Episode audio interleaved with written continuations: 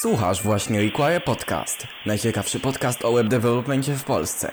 Prowadzi Adam Siekierski i Artur Dudek. Cześć, witamy was wszystkich w kolejnym odcinku Require Podcast. Ja się nazywam Artur, ze mną jest. Adam, cześć, cześć.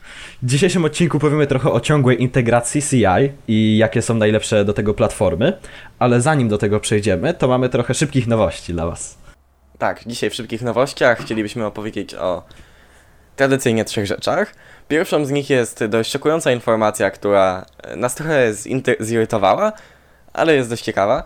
E, otóż e, Zite, o którym tak bardzo często mówimy, zmienił nazwę na Vercel.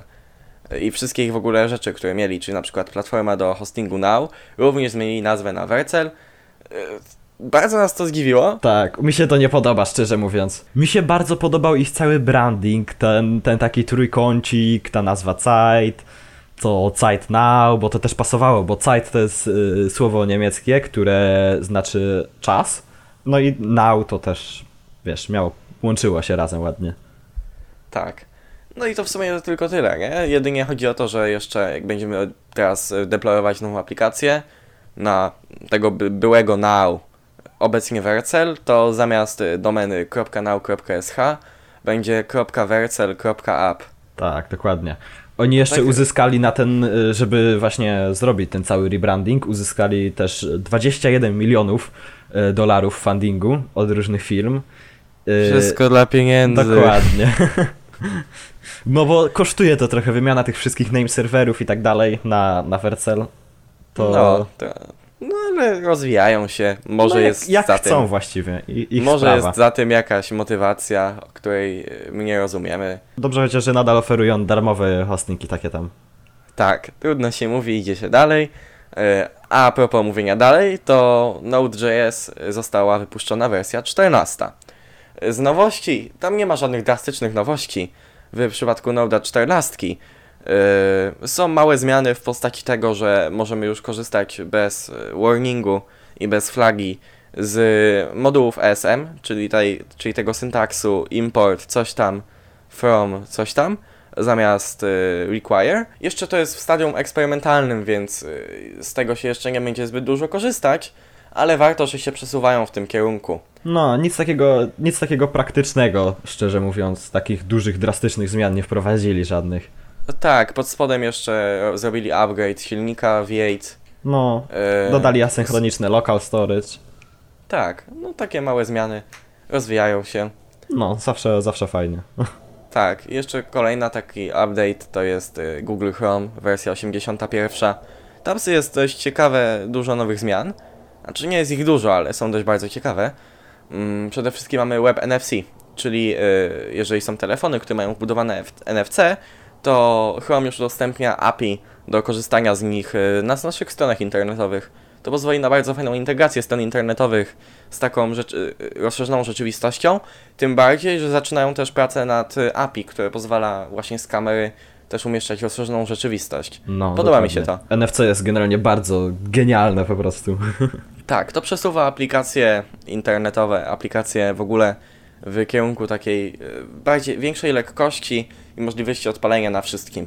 Naprawdę długo zastanawiam się, czy niedługo przestaną być miejsca dla deweloperów aplikacji mobilnych, skoro tak bardzo się rozwija sektor PWA i ogólnie e, tego wszystkiego, co jest zintegrowane z, z webem, nie? No i jeszcze z nowości to też właśnie odnośnie tego PWA to będzie App Icon Badges, czyli takie po prostu Powiadomienia. Y, Ikon, chmurki powiadomień przy, przy ikonach naszych aplikacji. Dokładnie, że na przykład dostaliśmy jakąś wiadomość czy coś takie na czerwono się będzie wyświetlać w rogu. Tak, tylko że kurczę, nie jakby fajnie, że integrują to w Chromie, ale tego jeszcze nie ma w ogólnych standardach, nie? To jest problem z, przeglądarki, z przeglądarkami internetowymi, że to nie jest wszystko jakby tak w 100% ustandaryzowane. Ostatnio na przykład pisaliśmy, pisałem player na naszą stronę internetową, no i y, jest taki coś jak Web Audio API. I ono fajnie działa w Chromie, fajnie działa w Firefoxie. Do Safari zupełnie jest to inna klasa, nie? I trzeba po prostu sprawdzać, czy jesteśmy w Safari, czy w Chromie, żeby w ogóle e, z, z, nową klasę zainicjować. Bo w przypadku Safari to się inaczej nazywa, a w przypadku iOS-a to to w ogóle nie działa. I na przykład chcąc y, sobie przepuścić dźwięk z elementu audio na stronie do właśnie Web Audio, no to zwyczajnie nie działało. I bardzo mnie to zdenerwowało osobiście. No i to by było chyba na tyle z y, szybkich nowości. Takie trzy, trzy takie mniejsze rzeczy. Mniej znaczące. Nic się nie wydarzyło w tym tygodniu przez tego wirusa. Może się nudy. zrobi ciekawe, jak to się skończy. Ale warto już przejść do tematu dzisiejszego odcinka, nie ma co przedłużać, czyli ciągła integracja, Continuous Integration, CI. E, czym to jest przede wszystkim? Ciągła integracja to jest taki proces, który powiedzmy, że pracujemy sobie w jakimś teamie i chcemy sobie wszyscy razem puszować y, zmiany, pracujemy nad jakąś apką, puszujemy sobie wszyscy razem na mastera, na to samo repo i chcemy sobie to jakoś usprawnić, żeby szybciej wyłapywać bugi, żeby coś, co ktoś zrobił, y, ktoś, jakaś osoba z naszego teamu nie zepsuło nam kompletnie całego y, kodu. I do tego właśnie jest Continuous Integration. Jest to taki Tak. proces, który właśnie pozwala nam e, sprawdzać każde osobne jakieś e, pusze czy, czy pull requesty, e, które się automaty, e, automatycznie po prostu budują w tle i wypluwa nam, czy, czy e, przeszło, czy nie, czy jakiś problem jest, co, co naprawić. Tak, no CI pozwala nam na bardzo dużą swobodę w pisaniu kodu, gdyż zupełnie nie musimy się przejmować tym, co się dzieje tam gdzieś na produkcji, nie? My po prostu zajmujemy się kodem, wcześniej napiszemy sobie właśnie to Continuous Integration i wszystko nam się po prostu automatycznie integruje, tak? Czyli na przykład puszujemy aplikację, przepuszczają nam się testy, yy, to leci do PM-a, który je zatwierdza lub nie i wtedy może się zb- zbudować. Tylko tutaj należy postawić yy, pewną różnicę między CI a CD. Yy, Generalnie jest to różnica bardzo taka płynna, gdyż narzędzia są te same, konfiguracja wygląda tak samo, tylko różnica polega w tym, co one robią. Otóż CI bardziej odpowiada za właśnie to opuszczanie testów, komunikację między na przykład górą a programistami, mm, a CD już typowo odpowiada za zbudowanie projektu i wypuszczenie go na serwery. Dokładnie. No to to CI na przykład może się odpalać, jak ktoś nam zrobi nowy issue na GitHubie, nie? I wtedy automatycznie CI przepuszcza testy przez ten kod z pull requesta, nie z issue, tylko z pull requesta.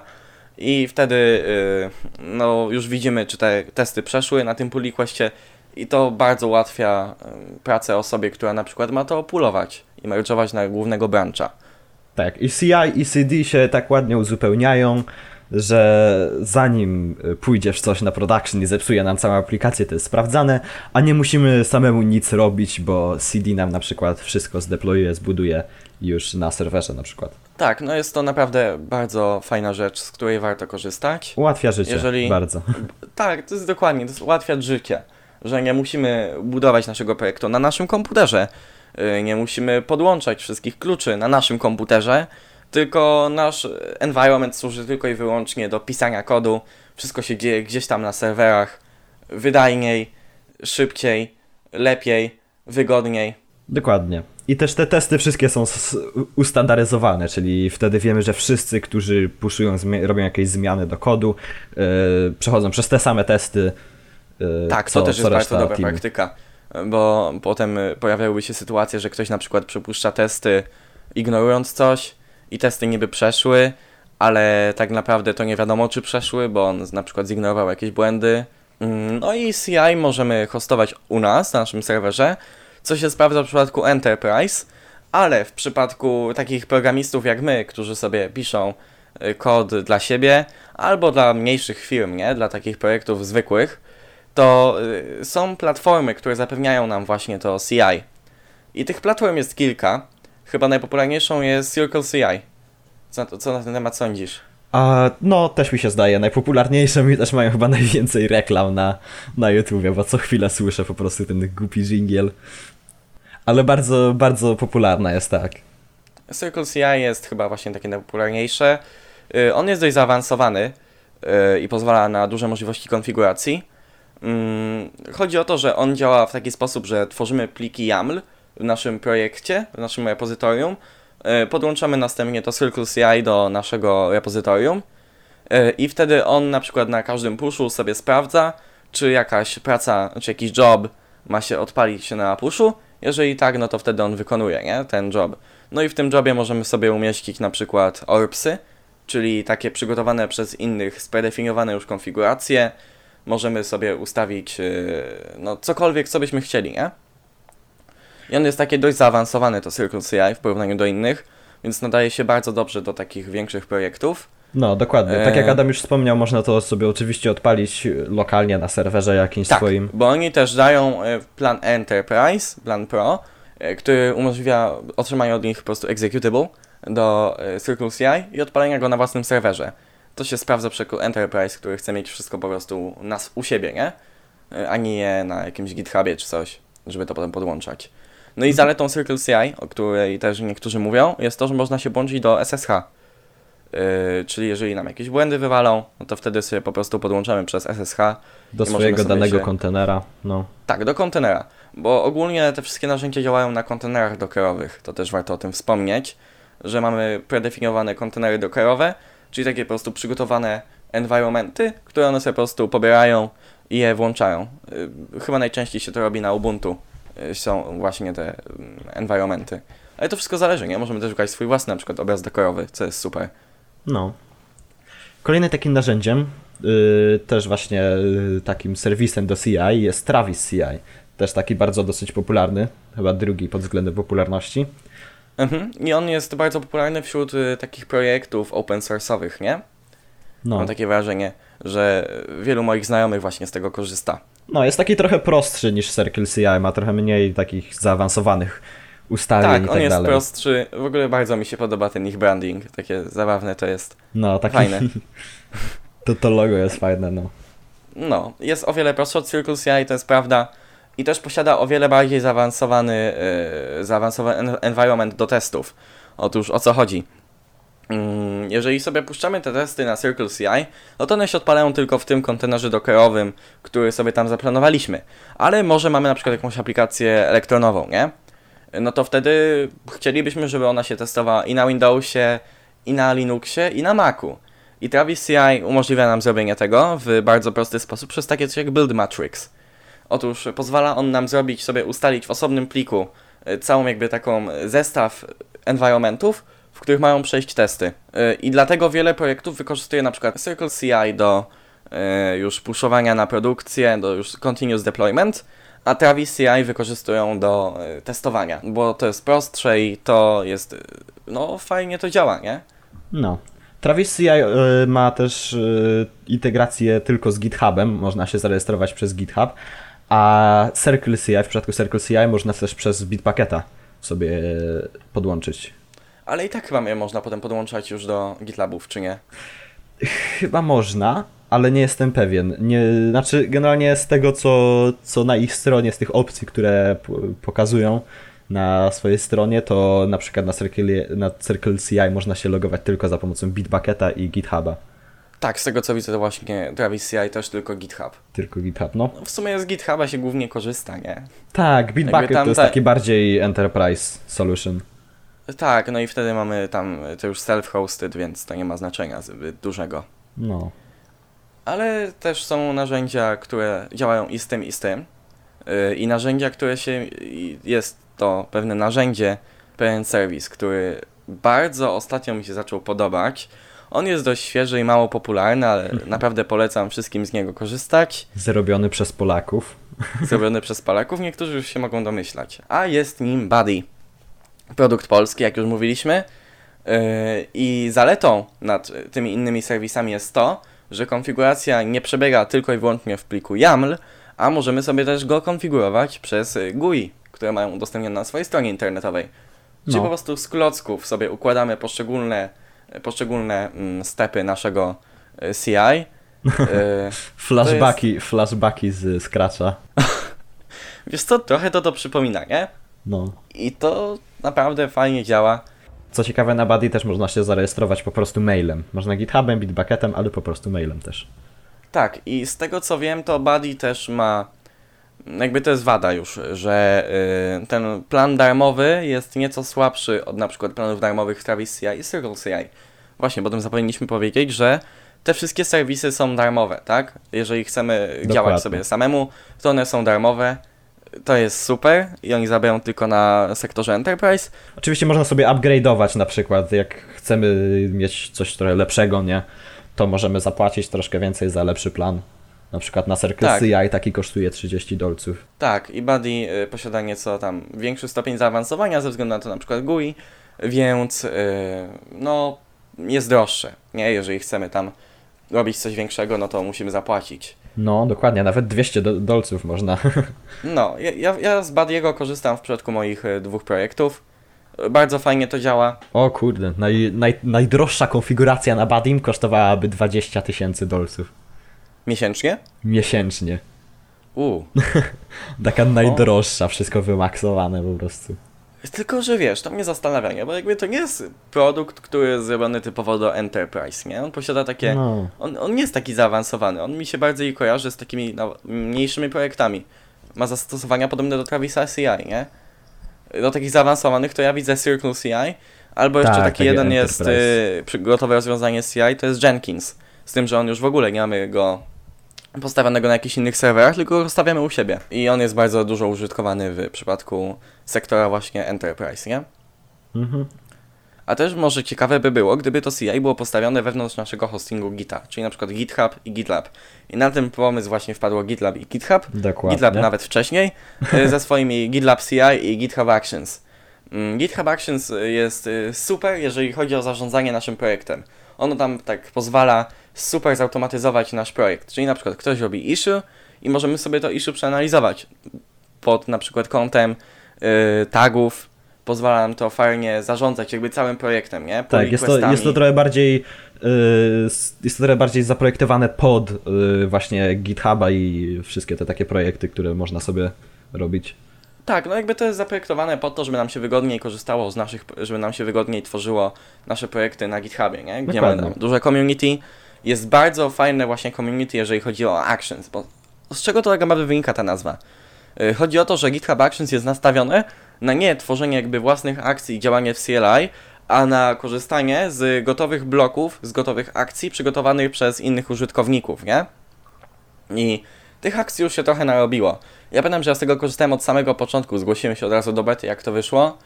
Yy, No, nawet masz wpis na blogu o tym. tak. Yy, to jest fajne, tylko że jednak do tego continuous deploymentu, czyli do już puszowania kodu gotowego, jest to mniej. Gorzej się to w tym sprawdza, bardziej to się mm, sprawdza w przypadku po prostu zarządzania projektem, nie?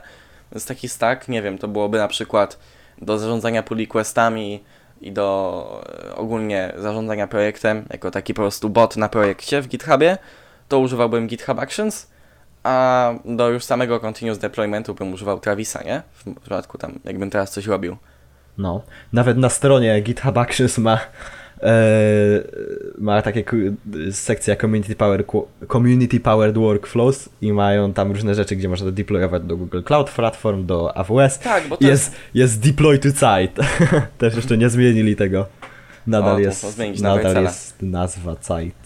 Tak, bo GitHub Actions jest tak, on jest tak bardzo community driven, nie?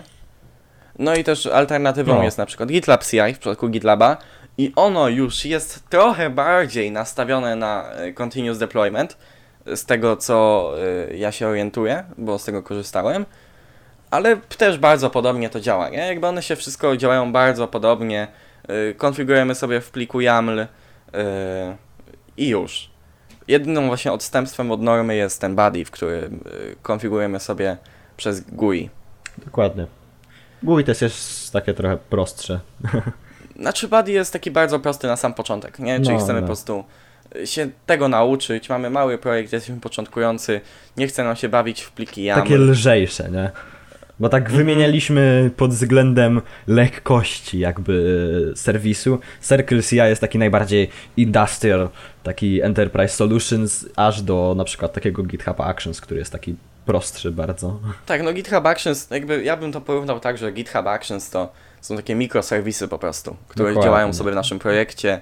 Takie po prostu małe, takie pracowniki, które coś tam robią, nie? Na jakimś tam e, evencie.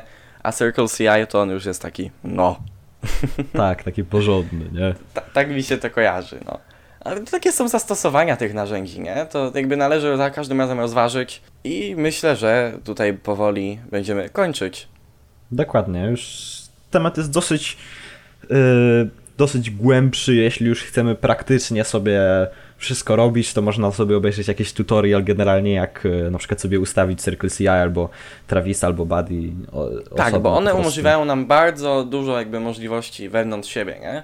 Moglibyśmy na przykład zrobić zupełnie osobny odcinek na temat Circle CI i tylko i wyłącznie Circle CI, w którym opowiadaliśmy, w którym opowiadalibyśmy o wszystkich jego integracjach, wszystkich funkcjach dogłębnie, ale tego się nie da zrobić w odcinku, w którym robimy taki po prostu ogląd na te narzędzia, nie? Dokładnie, a poza tym to by bardziej e, lepszy, lepszy by był taki odcinek w formie jakiegoś tutorialu bardziej, gdzie mamy, e, pokazujemy coś naprawdę na ekranie, nie? Jak co się robi, jak co wygląda. Tak w praktyce. No tak by trzeba było, nie? Jeżeli byśmy chcieli takie coś zrobić. Może kurczę kiedyś zrobimy jakiś require tutorials. Require tutorials, o nie. Kto No wie? dobrze. Kto wie, może kiedyś. Może kiedyś. To do zobaczenia, do usłyszenia. Właśnie, do usłyszenia. Do Cześć. usłyszenia. Cześć.